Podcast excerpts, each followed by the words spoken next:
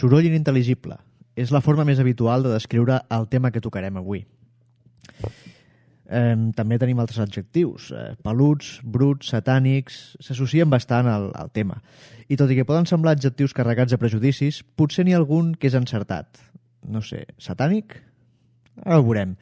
Avui obrim les portes del club per parlar de Noruega, metall i Satanàs.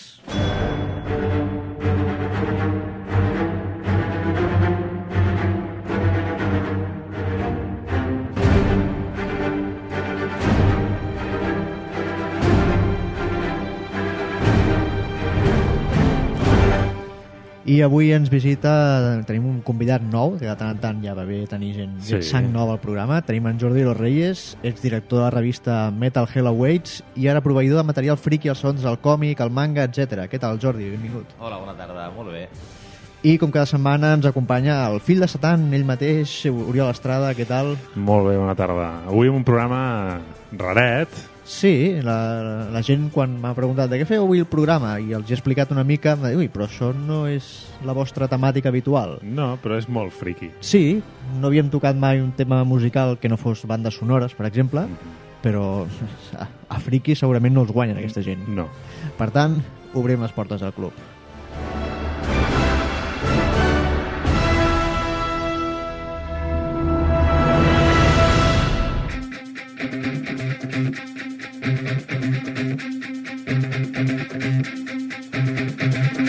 La relació del metal amb el diable és tan estreta com antiga.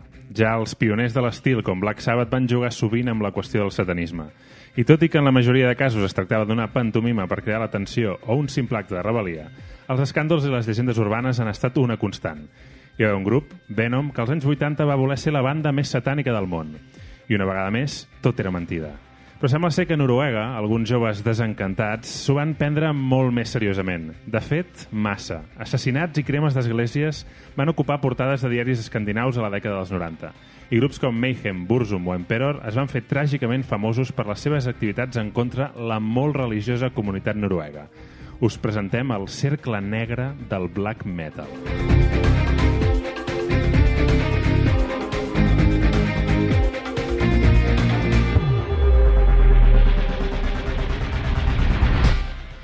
A veure, per començar, no sé si cal explicar eh, per gent com, com jo, que sóc mm. -hmm. aliè al tema, eh, de què parlem exactament? De la, quin tipus de música? Death metal? Black... qui- Quina diferència hi ha Ui. entre un i l'altre? Si, si, si confonguessis black metal, death metal a Oslo als anys 90, Sí, sí, però ni sóc a Oslo ni sóc als anys et, et, 90. Et podrien, et podrien Per senzillament tant, apunyalar, no? Jo estic aquí Ah, per aprendre. Que per molta gent el, el black metal comença als 90, però als 80 ja, ja existia black metal, no, Jordi? Eh, Sí, hi havia, hi havia alguna cosa, però clar, la, la gran explosió del, del black metal noruec va ser sobretot a mitjans dels 90, no? Va, va començar potser a principis dels 90, però quan la cosa va ser... Quan van haver els discos principals de les bandes principals que va haver-hi per, la, per Noruega, jo diria que va ser més ja cap a... La gran explosió va ser cap a mitjans dels 90. Mitjans dels 90. Però el, el, el black metal dels 80 i dels 90 era, molt, era molt diferent, no? Però quina, quina diries que és la diferència principal del black metal amb el death metal, que potser la gent coneix més el death metal que el black metal. Home, es, es va convertir... A veure, va haver una època, potser des de l'any eh, 92 fins al 96 o així, que es va convertir en algú ja més mainstream, diguem, a, a, a, amb el que era més el, el metal. El death metal sempre va ser potser més més underground, potser no, no va passar tant a les primeres planes dels, dels diaris i, i amb el black metal, clar, amb tot el que va succeir és que va ser durant dos o tres anys era, no, hi havia, no passava mig any que no hi hagués algú detingut, algú a la presó alguna església cremada Més algun d'una a la cement- presó. sí, sí, sí, desgraciadament sí però en el fons era en un grupet de 20 persones, jo crec que no... Perquè et pares a comptar... Eren i- molt proactius, pel que era, veu. sí, sí, sí, sí. Sí, sí, sí, Està sí. bé. No, no, Eren... és, maco. Són entrepreneurs, no?, de, de l'època. Sí, Sí, sí. Molt bé. Sí, sí, sí. No, ara, ara anirem explicant. No? A veure, aquesta gent, eh, potser hem de, hem de començar a parlar del grup Mayhem, Sí. que serien com el grup que defineix el, el black metal. El, sí, el De- que és el, el black metal, diguem, modern, sí, sí, sí. sí Perquè, és, clar, abans, és la base. Abans he comentat a Venom, que van fer la cançó que es deia Black Metal Sí. l'any I el 80. disc, sí, sí, sí, I 80 no era, em sembla? O 80 i alguna 80 ja ho diria, però... Sí, sí. Vale. ja comença d'una forma molt... Eh? Sí, Molt especial, eh? Molt especial, aquesta gent de Newcastle eren. Ells van posar, diguem, la, la, la base. La base la van posar... De, sí, la van posar ells, encara que també, el que deies abans, grups com Black Sabbath potser també van, van tindre una part de, de culpa, no?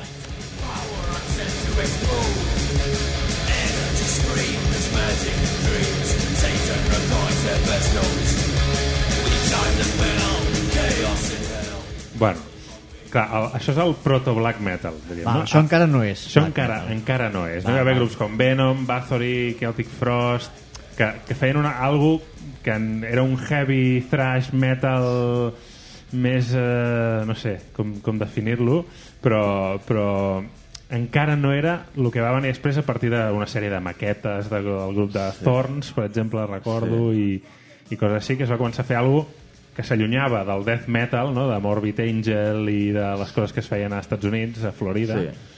I va sortir alguna molt, molt, molt diferent. No? Clar, també va ser també la... Jo ara recordo també hi havia com unes guerres, per exemple, perquè hi havia el senyor Glenn Benton, el cantant de Sí, Dayside. Dayside, que ell era com el més satànic i portava fins i tot una creu invertida eh, cremada al, al, al Ah, front. molt bé. O sigui, hi havia competicions per veure qui està més a prop Clar, de Sadà. Llavors, quan aquest senyor va veure que de cop i volta sortien uns crios noruecs que cremaven esglésies, mataven gent, clar, llavors era... I no, no, jo crec que no, no ho acceptava, no? Això ho va portar molt malament. I van haver-hi inclús alguns problemes. Per cert, que Glenn Benton era el que deia que es suïcidaria als 33 anys com, Sí. sí. sí, com, com va morir Jesucrist i després se li va preguntar, no? Ei, bueno, O sigui, van passar comptes, no? Van passar els 33 anys eh, i, i ara què? No, bueno, mira, no. Deu una camilla dels, dels 50 Sí, i sí, encara segueix, segueix en actiu. Ho deu haver deixat pels 66, no? Sí. Home, clar, també fa més satànic. Allà, sí, sí. Però bueno, era allò per fer la, la, invertir sempre el que fa el, el Ja, ja, cristianisme, no sé què. Bueno, Mayhem, vale? Eh, això, això és mitjans dels anys 80, aquesta gent que escolta Venom, que escolta Venom, que era un grup que anaven de super satànics, però tot era Sí. un Era, espectacle. era una imatge... Sí. Era pur espectacle. I aquesta gent de Mayhem comencen com un grup de death metal amb la maqueta del 86 Pure Fucking Armageddon.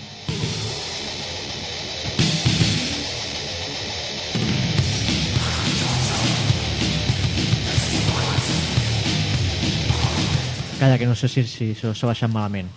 Uh, no, sonava així. sí. Sí, aquí ja comença la, la tendència aquesta de, del black metal a que les produccions han de sonar una mica amb el cul, de vegades, no? que hi ha una filosofia, no tots els grups, uh -huh. val? i de fet ells mateixos, com van fer el seu ja àlbum debut, ja va sonar molt millor, però aquesta tendència so gravat amb una gravadora a lo cutre i així és com més autèntic. Sí, de, de fet, el que també hi havia era que el, diguem, el líder del grup tenia una botiga que es deia Helvete, i llavors els, diguem, tota la gent que es reunia i anava a comprar doncs, material en aquesta botiga era la que formava tota aquesta sèrie, aquests, aquests 20 que deia jo que són, diguem, la, la base de tots aquests grups eh, de black metal així més, més modern. I jo crec que al voltant de tot això i tota la història que hi havia al voltant doncs a partir d'aquí és on, on va sortir tot. Jo crec que és... Aquí, perquè- eh, aquí hem de parlar del el Oysten Arseth, no? Més conegut com Euronymous, Sí. després que és el que, el que munta... Sí, va triar un... un No, no. Aquí tot va amb Endavant, eh? pseudònims. Eh? Tothom En, el, té- en el sí, black sí, sí. metal noruec tot va sempre amb pseudònims, no? I Home, a veure, si es dediquen a matar penya, és normal que mirin d'amagar una mica la identitat. una Això mica, ho puc entendre. Una mica. No, Ah. però, No, no, una a- mica. En el fons, i, i jo crec que veient-ho en, en perspectiva, eh, jo crec que en el fons eren una mica de crios malcriats. Total, però molt malcriat. Molt malcriats. Sí. Perquè tots Estaríem venien, en el fons, eh, molts tenien família amb, amb possibles, diguem. Mhm. És a dir, no tenien problema. La botiga, per exemple, aquesta Helvete, que li va muntar Euronymous, li va muntar el seu pare. I tenia 20 anys, no tenia diners, el seu pare li va dir, quan necessites tant? Vinga. Va, Des- què faràs? Doncs pues mira. Sí, vull muntar una botiga de discos. Vinga, doncs té, aquí tens.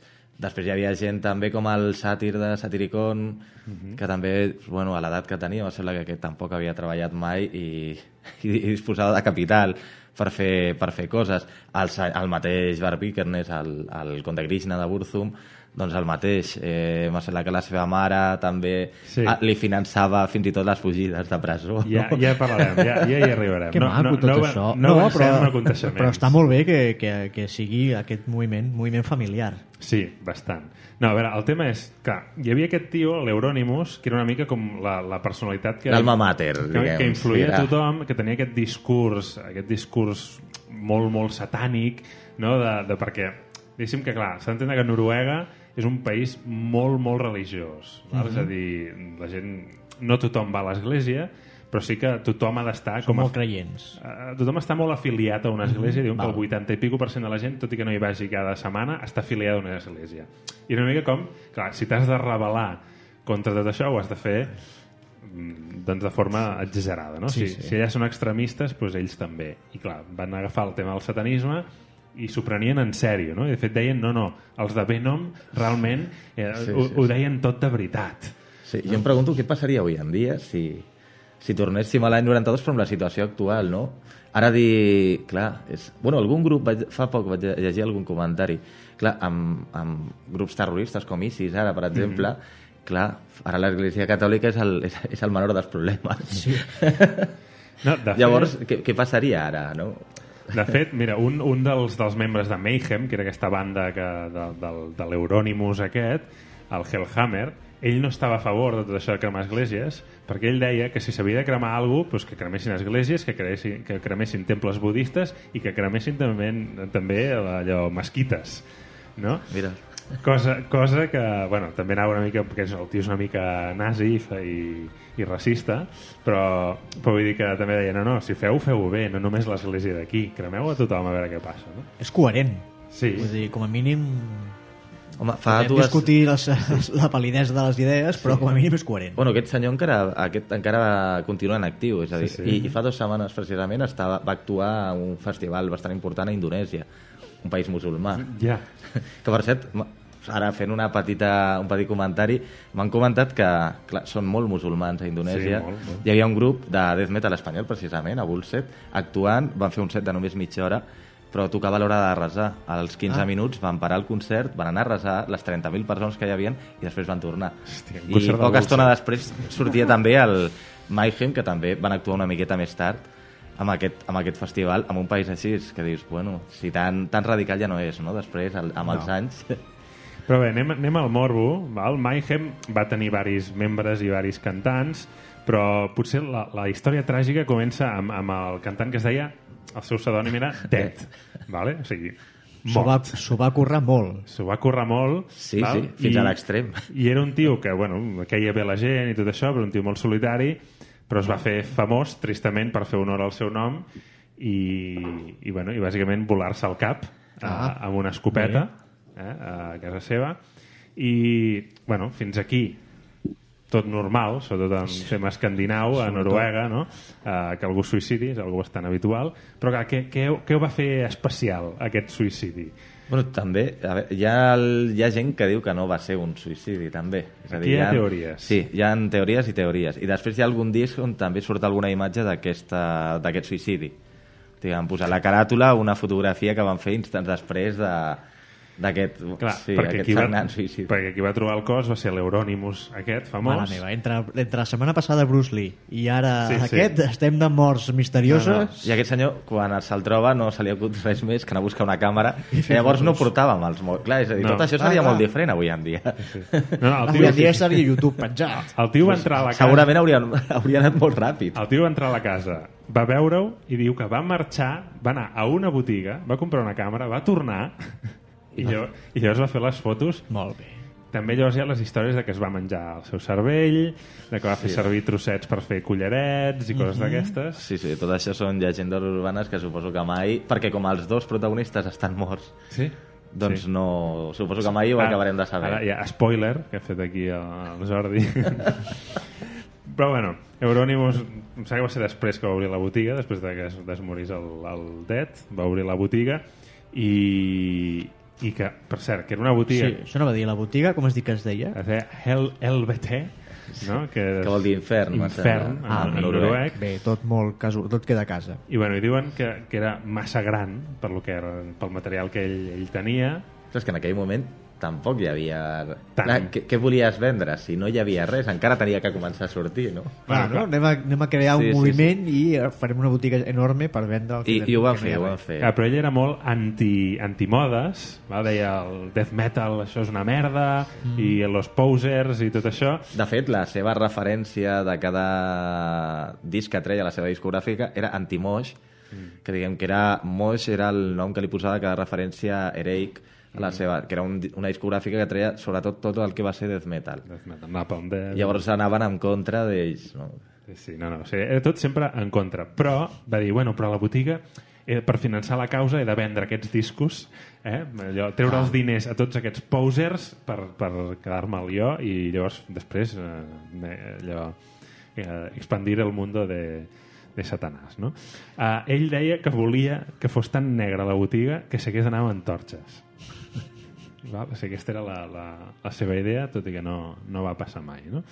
I com que era tan gran, de vegades tenia inquilins que passaven una temporada. I un d'ells va ser el Bark Vikernes, o Christian Vikernes, també un tio, un tio molt satànic que es deia Christian i es va haver de canviar de nom, Home, a veure, que has, has de ser coherent. que dir-se Christian no queda molt bé, que, que ell va agafar el, el, el nom de Conde Grishnak, que és del Senyor dels Anells, que és un nom que ve de, del Senyor dels Anells. No? Sí, és que en el fons quan, hi, ha, hi ha hagut un moment que, que ha semblat que estaves parlant d'una mena de mitologia mitjaval fantàstica. És que aquí es barreja tot una Sí, mica. sí. També Mira, per agafant exemple, tema d'aquest, oi? Gorgoroth també ve, sí. ve del mateix. Sí, sí. I és un altre dels grups Mm, no. com super radical, super black metal, i on també tots els seus membres... Bueno, i va passar el Samoth, me sembla, també d'Emperor, va sí, passar... És a dir, és d'aquest grupet, diguem, dels 20, que entre aquests 20 ho van, ho van fer tot, no? Doncs a, aquest senyor, el Barbie Kernes, aquest, aquest aficionat a, a, a Tolkien, que després es va passar a dir no, jo vaig en contra de l'Església no tant per satanisme, sinó per, perquè sóc un viking, no? i va començar a posar totes les mitologies nòrdiques i d'Odin, parlava d'Odin i d'aquestes històries. Molt bé, home, així m'agrada. Eh? Aquí ja, No, no, no, tem- tocant temes interessants. temes interessants, de fet ho va desenvolupar molt, però sempre cap una vessant més allò racista, supremacista, etc etc. Eh? El, el tema Ario És a dir, no li hagués, no li hagués agradat uh, l'adaptació de Heimdall de les pel·lícules de Marvel, no? Probablement no, probablement no. Que... Val, doncs això, Barbie Kernes, que tenia un grup Burzum, que no sé, Sí. què diríem de Burzum? Doncs eh, precisament va ser un d'aquests que anaven a la botiga Uh -huh. i el, i el senyor Euronymous el va fitxar per la seva discogràfica. Això. I aquí van començar els problemes. Sí, sí. Aquí va començar... Va ser el principi de la fi. Però, escol però escoltem, que- que escoltem una crida, mica no? aquest senyor que crida.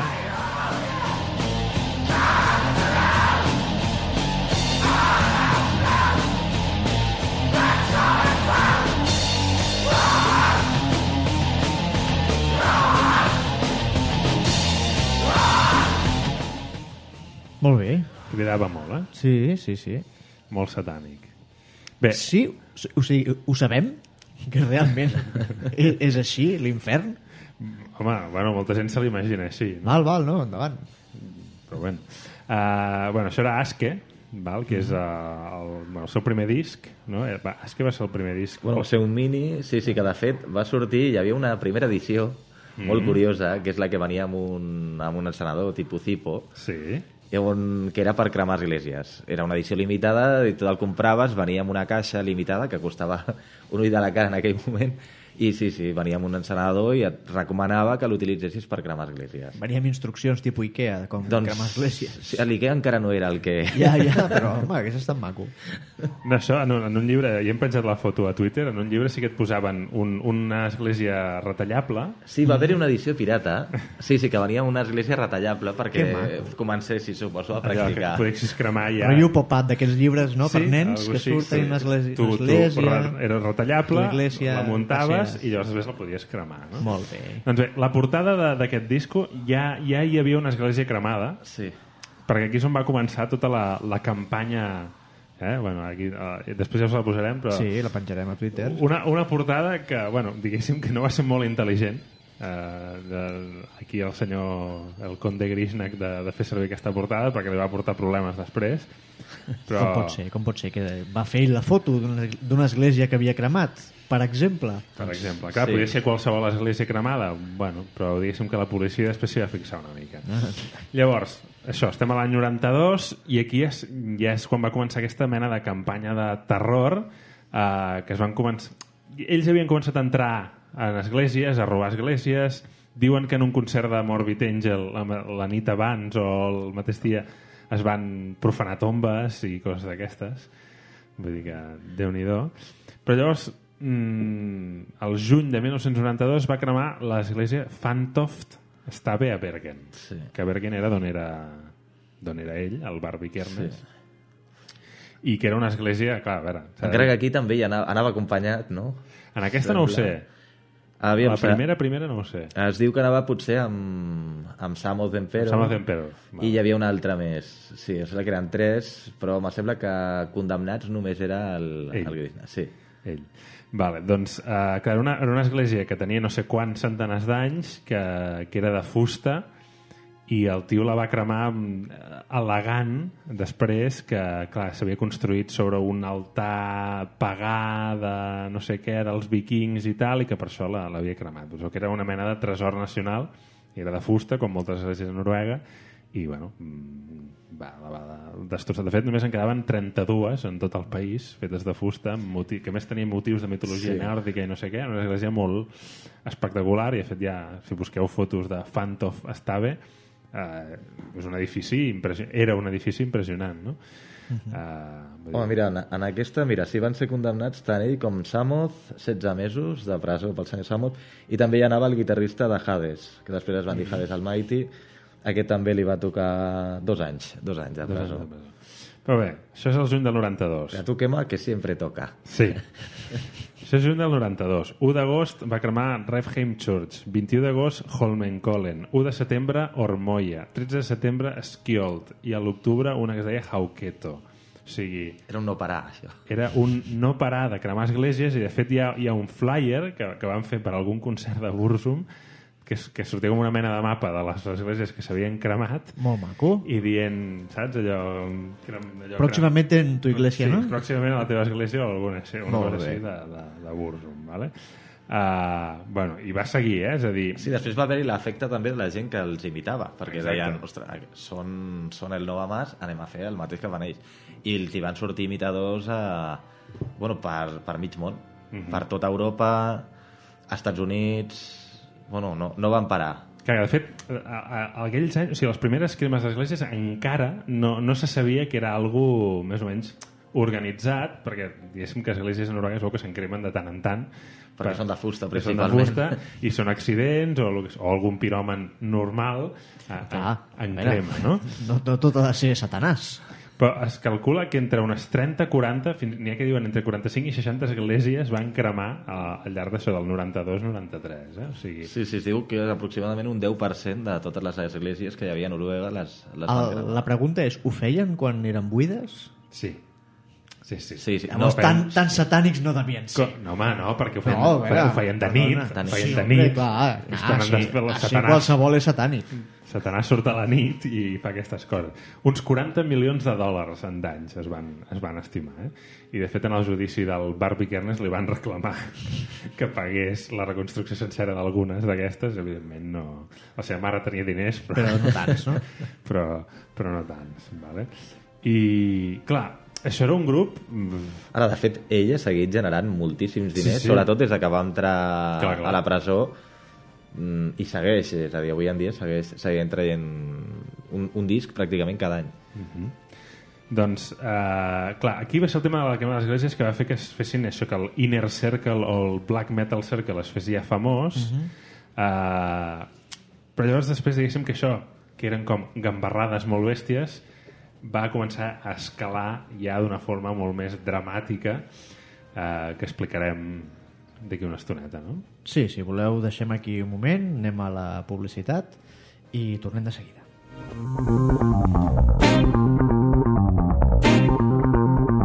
Estàs escoltant Ràdio Ateneu del Clot.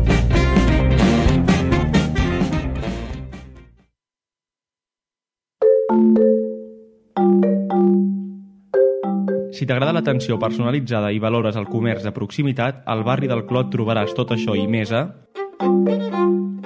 Mont Ibèric, al carrer Mallorca 566. Xarcuteries Bosch, al carrer Mallorca número 558. Vinacoteca, al carrer València 595. Amb la col·laboració de l'Associació de Botiguers i Comerciants de l'Eix Clot.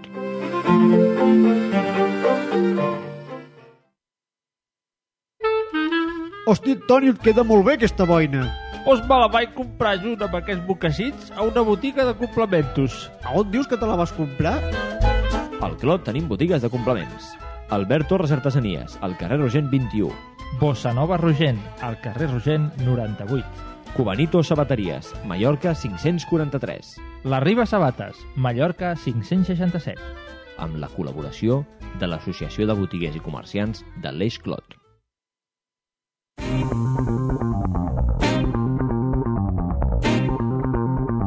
Estàs escoltant Ràdio Ateneu del Clot.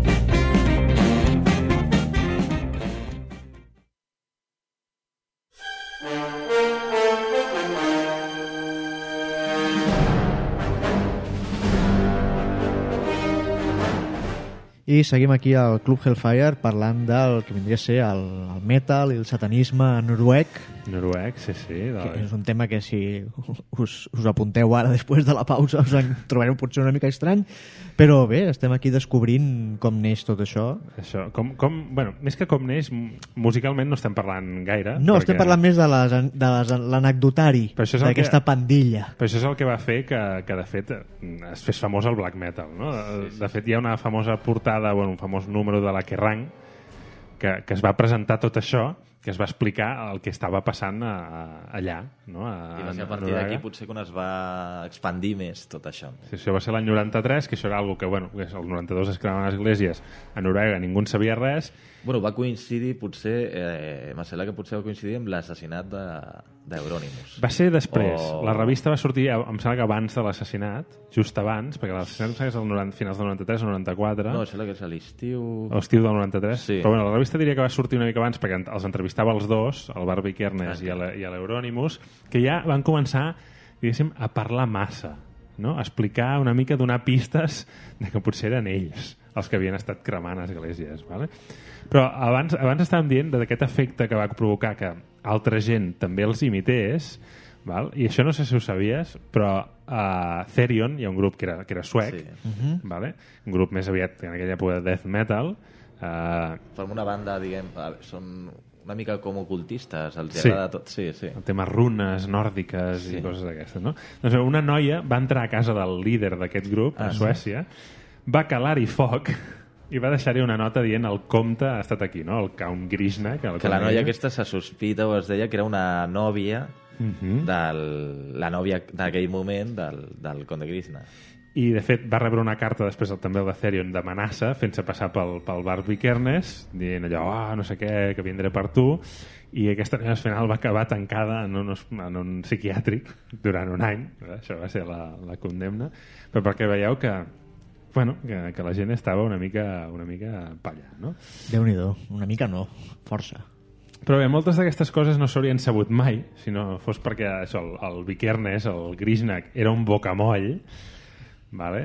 I, i tot i no confessar res dels incendis, sí que va relacionar una mica aquest, eh, el cercle aquest de, de, de la botiga, del, dels grups aquests, amb, amb això, no? I es diuen que al publicar-se aquesta entrevista, això va fer que la policia l'anés a buscar.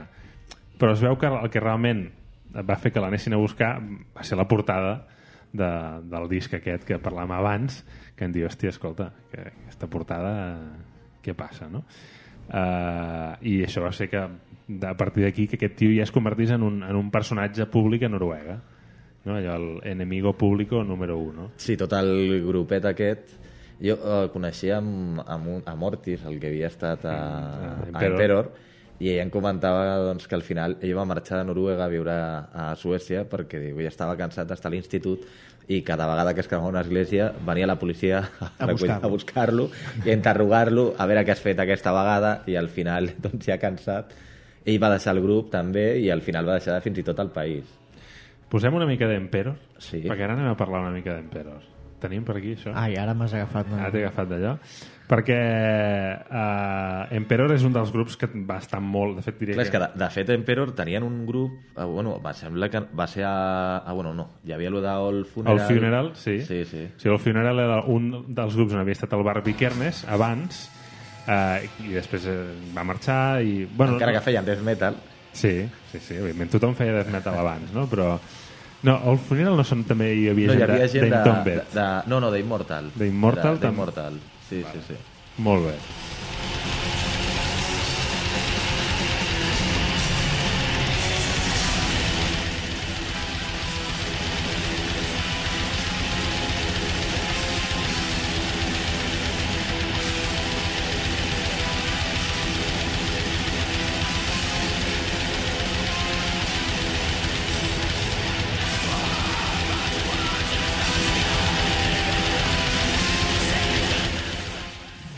Si més no, curiós. Curiós. Bé, uh, bueno, aquest Emperor va ser el grup, ho van portar a un altre, a un altre, a un altre nivell, a un altre també, nivell sí, sí. Més, molt més simfònic, molt més atmosfèric, vull dir, Mhm. tens un, un so molt, molt més espectacular, molt més èpic, que el que era el, black, el true black metal, Sí. que es deia. Però bueno, per què Emperor? A part de perquè sempre anaven juntets amb tota aquesta gent... De, eren del grupet de la botiga el grupet de la botiga uh, uh, hi va haver un senyor que tocava amb ells el, el bateria Bart Eithun val? que bueno, ell mm, un dia passejant no sé, no sé, no sé per, a Lillehammer, a Lillehammer Sí, sí, sí. passejant per allà un dia es va trobar un paio en un Mhm. parc que, que, era, que era gay i li va dir que li acompanyés i ell el va acompanyar però no, no va acabar No va acabar bé la cosa. no va acabar bé, no uh, es van clavar coses Ah, molt bé. Val? Però, Apunta. Sí, uh, però no, no van ser coses molt agradables, sinó que van ser unes... Vale, no, no, clar, estàvem parlant de... de Van ser unes, unes quantes punyalades Ah, molt bé. uh, que li van fer en aquest, en aquest pobre home uh, que de fet ell ho explica el, el, hi ha un llibre on li fan, van fer entrevistes a aquesta gent ell explica que en el moment en què va veure que aquest tio era gay i que li va proposar d'anar al bosc ja li va dir que sí Mhm. li va dir, val, anem al bosc, anem Va, que, anem. ja- que ja veuràs tu el que, el que faré no? I el, bueno, el, va, el va matar i era un assassinat que havia quedat sense resoldre Mhm. val? és a dir, clar, no hi ha, es, va, es veu que es va investigar la comunitat gay i no sé què, qui podia um, saps, tenir alguna relació amb aquest tio, però clar, que va ser algo tan realment aleatori que no hi havia cap mena de pista que portés aquest tio doncs després de l'entrevista que va fer aquest, el Barbie Kernes que va com parlar d'algunes històries i d'un crim eh, sense resoldre no sé què, la policia Va lligar caps, va que no és lligar- tonta. va lligar caps, van enganxar el Bart Eithun d'Emperor i el van fotre a la garzola. Uh, un tio que gairebé uh, se n'hagués salvat, però com que aquell va parlar massa, Molt bé. es, es va saber i jo no sé Hi ha hagut repercussions després entre ells si s'han trobat després o, o no, però bueno, el, el Vikernes com va sortir de presó se'n va anar a França, o sigui que potser... Bueno, va estar una temporada per allà, per, per Noruega, però després sí, va marxar, va marxar a França. Doncs bé, que- de fet, que el Bart Eithun aquest de- d'Emperor, el tio a un, el, un dia va matar el paio aquest, l'endemà va cremar una església Bé, una bona progressió. i llavors a la nit va tornar a casa i va veure la primera notícia era la- la- l'assassinat i la segona notícia la crema de l'església i mira, Molt, mira, està bé. uh, ha sortit a la tele en, en dues notícies però ningú, ningú ho sap Ningú ho sap i no hi havia Twitter per dir-ho. Exactament.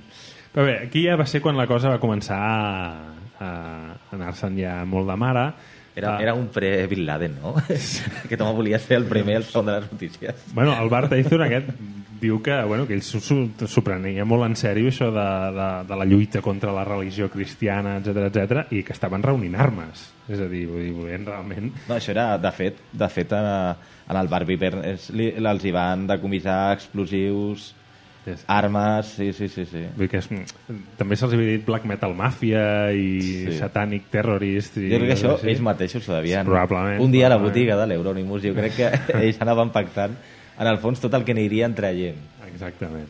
Però bé, la relació aquesta d'Euronymous i Barbie Kernes, eh, que ja en aquella època ja no anava molt bé, perquè, clar, el, el Barbie Kernes s'havia fet com molt popular, com que ja l'havien jutjat, que la, de la major part d'esglésies no el van poder condemnar perquè no hi va haver proves, però com que l'havien jutjat, havia sortit molt als mitjans, que era un tio que s'estava fent molt, molt famós, Era el malote del, del barri. era el Malot del Barrio, i l'Euronymous, que fins aquell moment havia sigut com el líder de tot això, Perquè tenia la botigueta. Ah, clar. tenia la botigueta, doncs, el, diguéssim que la, ah, va començar a haver-hi aquí uh, pitges. Gelosets. Sí. Ai. Però bé, abans de que arribés uh, tot a, a, a mal port, uh, van gravar un disc junts, Sí. Ah, mira que bé.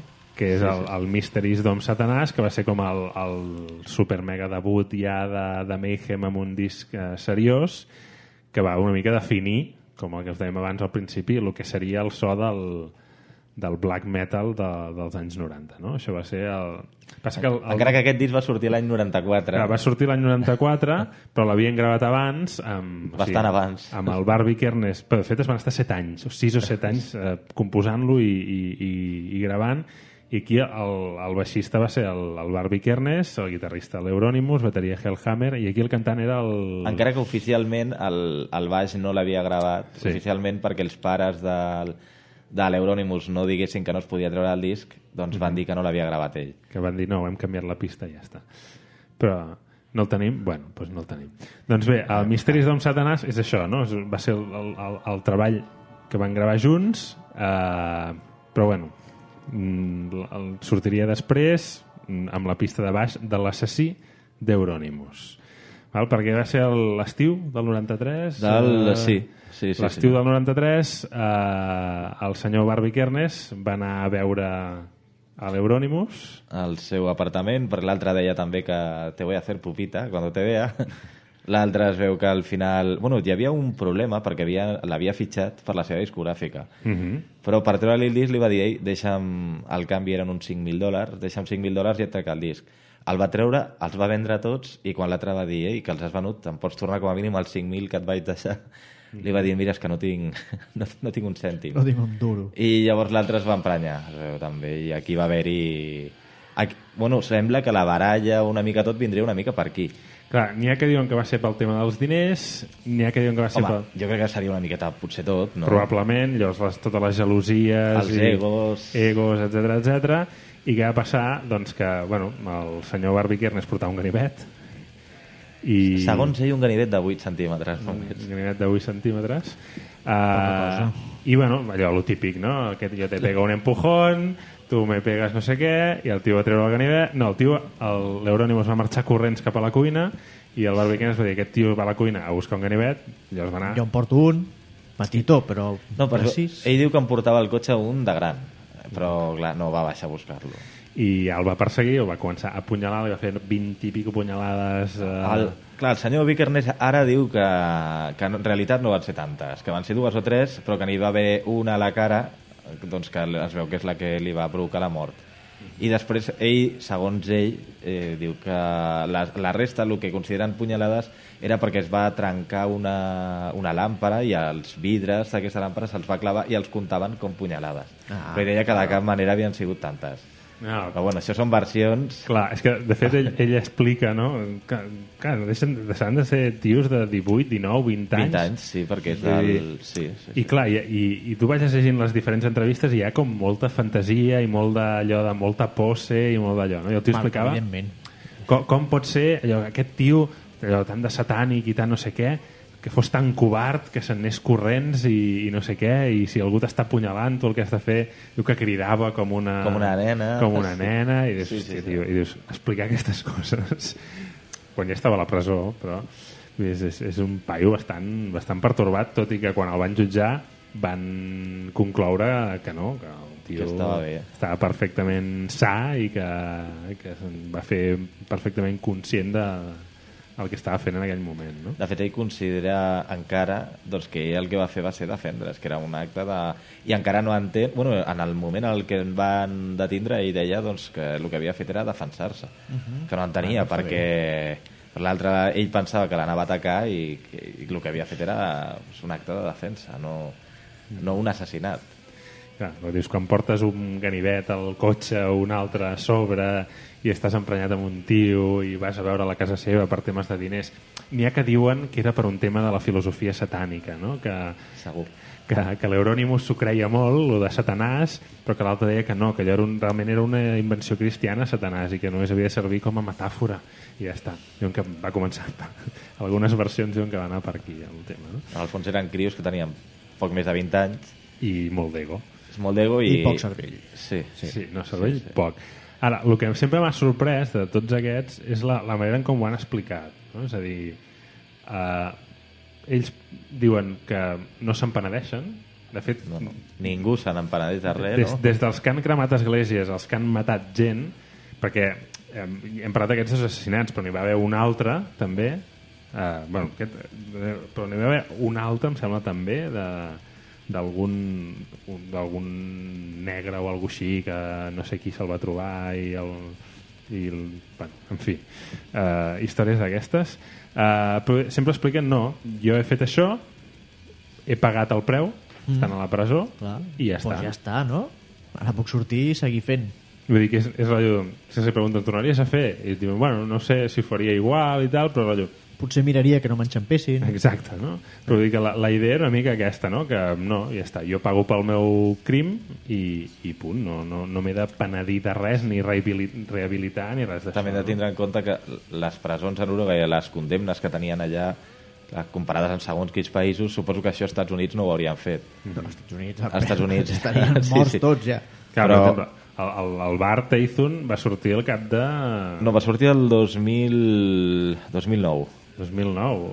Sí? Sí, sí, sí, Però- el però- 2009. però- Al maig del però 2009, que ja sumant... Clar, es va escapar un cop de la presó... No, no, jo dic el bar Taithun, eh? El... El de Ah, no, no, l'altre va estar... Va estar 7, 7 anys. Set o vuit anys. 7 o Sí, 8 sí, anys sí, per un assassinat. Bueno, Assassinat. el, el de Dissection també va ser Sí. que va estar potser 7 o 8 anys. No va arribar als 7 anys, o sigui... Sí, sí, sí. Uh, clar, un tio que ja surt amb la condicional després d'haver matat algú al cap de 7 anys, més un tio que diu que no se'n penedeix. Bueno, en unes presons on, No, aviam, no ens enganyem, estaven molt bé. Sí, sí, no, el tio feia peses, El- tocava la bateria, estava a la presó Sí. tocant la bateria, vull dir que... I pràcticament, bueno, el, el senyor Vikernes va gravar un o dos discos a, a la presó, també. Sí, sí. Discurs de merda. Sí. Però discos de merda potser en venia 100.000 de cada un. Clar, clar, no, no, Clar, però, discurs molt... però vols dir que la, els mitjans que tenien a la presó eren pitjors que els que gravaven al principi aquests discos? Bueno, és que aquí va començar a gravar amb tecladets, a fer, Ah, a fer val, uns, val, val, un, una música més atmosfèrica, no sé què, no sé quantos, i home, bastant, bastant insuportable. Jo et salvaria potser dels dos discos una cançó que m'agradava i, Sí, i com a molt. i com a molt, eh? o alguna cosa així. Però clar, en aquell moment ja havien, ja havien creat, diguem, la... havia fet la bombolla molt gran. Doncs bé, a Suècia, i clar, tot això també... Clar, perquè a la resta de països nòrdics també hi hauria aquest mena de moviment, era no, igual... No, no tant, però clar, amb els suecs i els noruecs, eh, i sobretot en qüestió de grups de metal, hi ha bastanta relació, no? I mm. estan, a, estan a tocar, i molts es coneixien, i tot això. Clar, aquella època a Suècia hi havia Roxette, Ah, exactament. que no sé si venia És- a ser... Bueno, clar, És una altra forma d'entendre Satanàs. Sí, exactament. No? Va ser una mica la reacció a Roxette, tot això. No? Doncs hi va haver un altre paio que es va fer bastant famós, que és John Notbate, de Dissection. Que Dissection era un grup que mai podies dir que fos ben bé black metal, era un, una barreja de death metal, black metal, però tenia el punt satànic molt pujadet. Sí. no? Dissection, i per això es portava bé amb aquesta gent. Doncs bé, aquest paio, John Notbate, eh, un dia agafa una pistola i va amb un paio i li fot un tret a l'esquena, eh, bueno, a la nuca i Bé. ja està. Eh, mm, així de clar. El tio el van enxampar, va anar a presó eh, i això és bastant, no va arribar a estar 7 anys i ja va sortir i al cap d'uns mesos estava de gira Bueno, menys, menys, sí, 7 anys, 7 anys. Exactament 7 anys. va Sí, estar sí, sí. allò 7 anys bueno, llegir l'entrevista que li van fer eh, De fet, jo, jo havia anat a un, a un festival a Holanda per veure'ls en directe perquè no feien gires en aquell moment i, i es va suspendre perquè l'acabaven de detindre. I dius, bueno, què ha passat aquí? Doncs sí, sí, sí. I van ser just 7 anys. Sí, sí, sí. i va ser sortir que havia de gravar un disc i van treure un single de seguida i ja va començar a anar de gira per, per tota Europa i va passar per Barcelona Que- vam tindre l'oportunitat els dos de... que tu, bueno, i jo, sí. tu i jo vam, ens vam... Que de ser una, va ser una de les en- entrevistes més, que més por va fer. Sí. Perquè a més... En, Potser la que més, la que més de totes les que jo recordo que s'hagin fet. Perquè clar, vam entrar dins de l'autobús de gira, Estàvem sols amb ell. sols amb ell, i a més a més hi ha, hi ha aquelles taules, no?, que dins Que dels és- autobusos sí, és aquests, tot molt estret. és tot molt estret, i nosaltres ens va posar, diguéssim, a, a, al fons. Que no teníem Sí, escapatòria. Sí, que, que no podíem sortir corrents. I No? anava acar- acaronant una pistola, no? Algo així, algo així.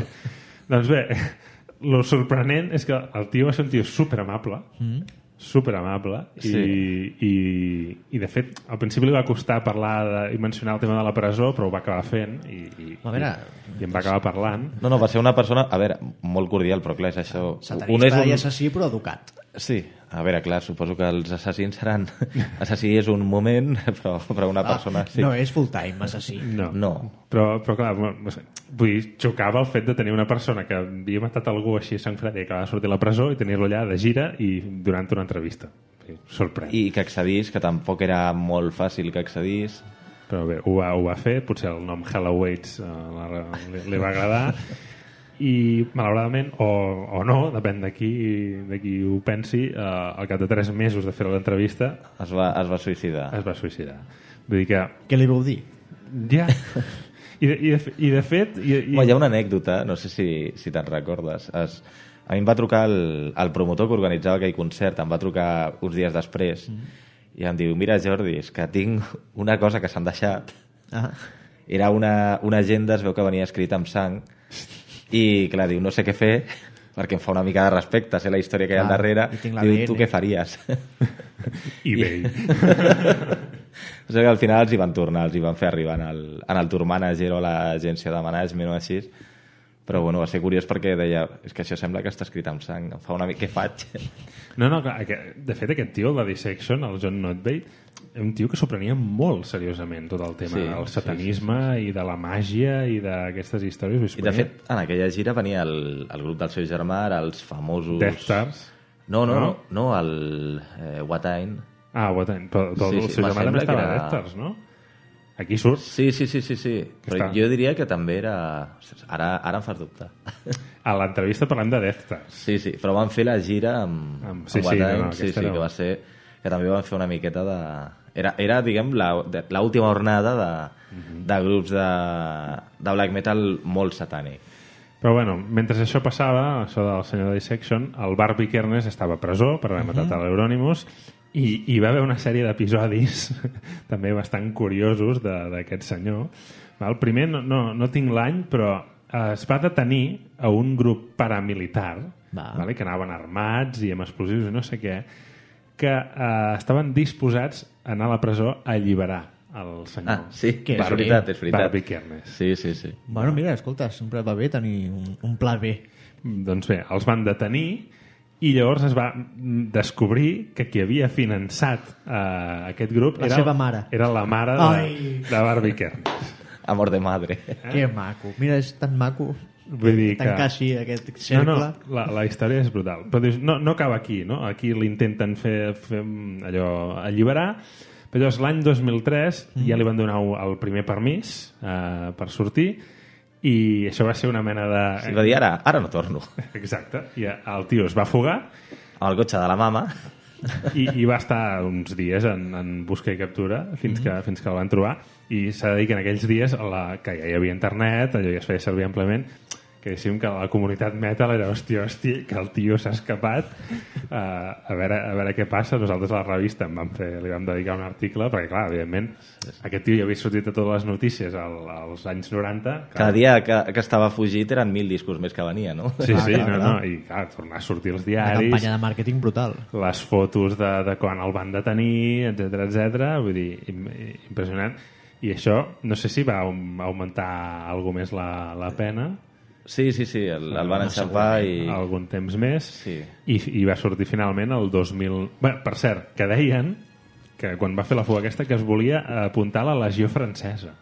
Mira, a França hi va acabar, no? I va acabar, no? No és curiós, perquè una de les coses que deia és que es volia apuntar a la legió estrangera francesa. Està bé. Ja em dirà vostè. Amb el temps que ens queda, que és poc, eh, Això, clar, m'estàs parlant d'aquest tio es va fugar de la presó, per dir-ho així, el 2003. Sí. Han passat 12 anys d'això. Com està el panorama avui en dia del, del metal i Del black metal? del satani, satanisme i aquestes coses? Això ha quedat No, com... s'ha- calmat molt. S'ha calmat Sí, molt, no? sí. Pràcticament tots aquests grups han desaparegut. Bueno, Mayhem segueixen, però clar, Mayhem al no ser els sí. dos més satànics, mm, diguem que és un, és un grup mític, però res més.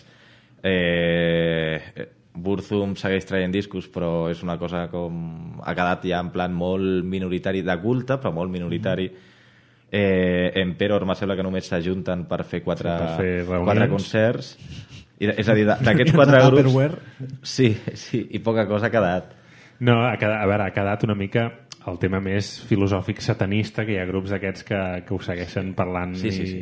i, i, i prenent-se molt en sèrio el tema del satanisme, però lo actiu, diguéssim que potser l'última església que es va cremar va ser el 2009, que diuen que després de que s'alliberés amb ell, va cremar, Va una cremar. església. Que bé, el tio va tancar el cercle, eh? Que, i clar, no crec que fos ell, sinó que va ser algú...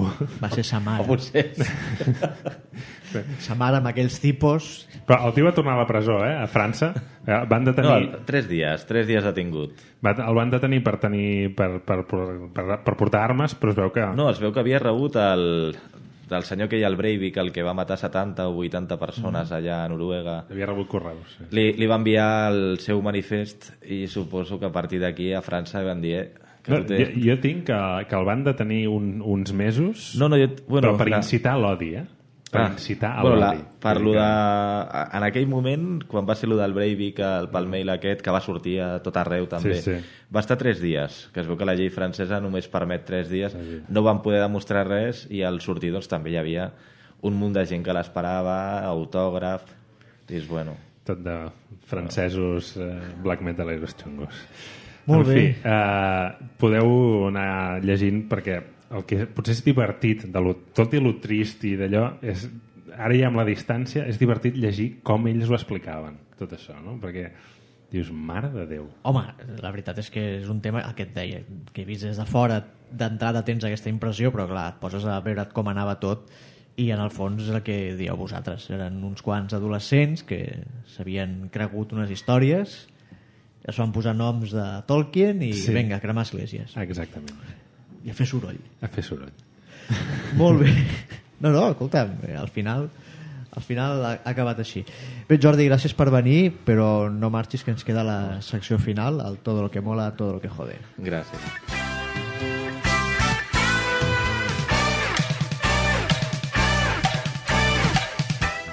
Doncs no sé si l'Oriol t'ha explicat una mica com funciona això.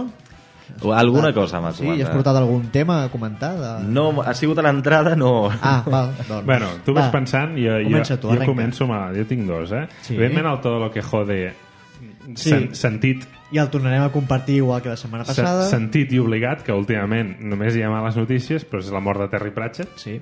eh, mort probablement voluntària, el Sí. qual ens hauria de fer sentir una mica menys tristos, però bueno, és un tio superimportant i que a mi m'ha fet riure moltíssim. Sens dubte, i és això. I el punt curiós és aquest de com, com ha acabat no, el tema.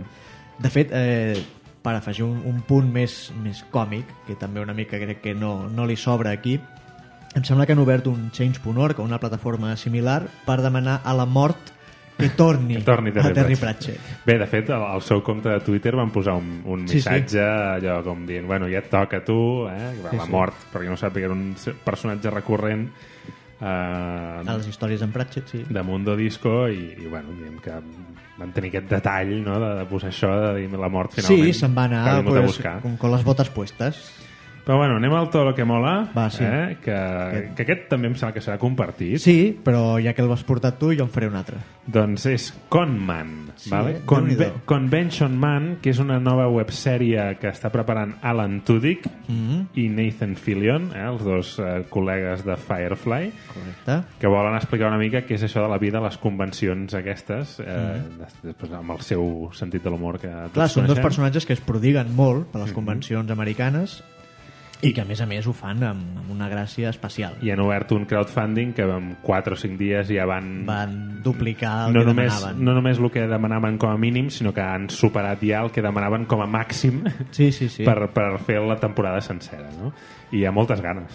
De Sí, home. jo m'apuntaria amb aquesta, eh? Estic, sí? sí, sí, Vaig veure la notícia també i, i sí, sí, va ser algú... A part, me sembla que el Nathan Fillion va sortir en, en un dels últims episodis de Big Bang Theory, també. Sí. sí. Sí, sí. Va No, sortir penúltim o- fent, fent Sí. d'ell que no era que no, ell. que no era ell. Sí, Al final sí, no. era... Sí, al final ho diu però no s'ho creuen. No, no, molt bé. doncs, doncs una mica semblant a aquell Sí, sí, sí, sketch, sí. em sembla que és de què anirà aquesta, aquesta Sí, no? sèrie. Eh? Una Perquè miqueta- ja, ja han posat una escena de l'Alan Tudyk en un lavabo, Així era, potser ja tot, venia tot preparat, no? a saber, a saber. Era una mica de propaganda encoberta. Exactament. Doncs mira, jo em porto una altra, que és que avui he llegit una cosa que els fans de, de les adaptacions Marvel a, a mi m'ha donat una bona sensació, que són declaracions de la gent, sí, de la sèrie que ve ara, d'aquí a un mes, que és Daredevil, Eh? que tothom ha vist el tràiler segurament, amb aquell Daredevil vestit com de ninja paramilitar, per posar-li un nom, però es veu que durant els episodis aquest uniforme anirà evolucionant i acabarem veient el clàssic Vermell. uniforme vermell de Daredevil, però... Vermell o... Bé, diuen que sí, que tindrà un... Que, a veure, que evidentment no serà un Granate. vermell llampant com el dels còmics, però que tindrem una cosa molt propera i molt acostada a, a, a aquesta barreja de còmic i realitat que li estan donant a, a aquestes adaptacions i que ens fa que respirem una mica més tranquils. Això. Doncs eh, ho hem de deixar aquí. Moltes gràcies, Jordi, per haver-nos acompanyat Moltes i haver-nos eh, explicat eh, totes aquestes curiositats. I, I busqueu l'estand de Metal. al Saló del Còmic, no? Sí, Sí? sí, sí, el Saló del Còmic. Ah, el buscarem. Busqueu-lo. I gràcies a tu també, Oriol, i a la resta, doncs, fins la setmana que ve. Apa, vagi bé. Adeu. Adéu.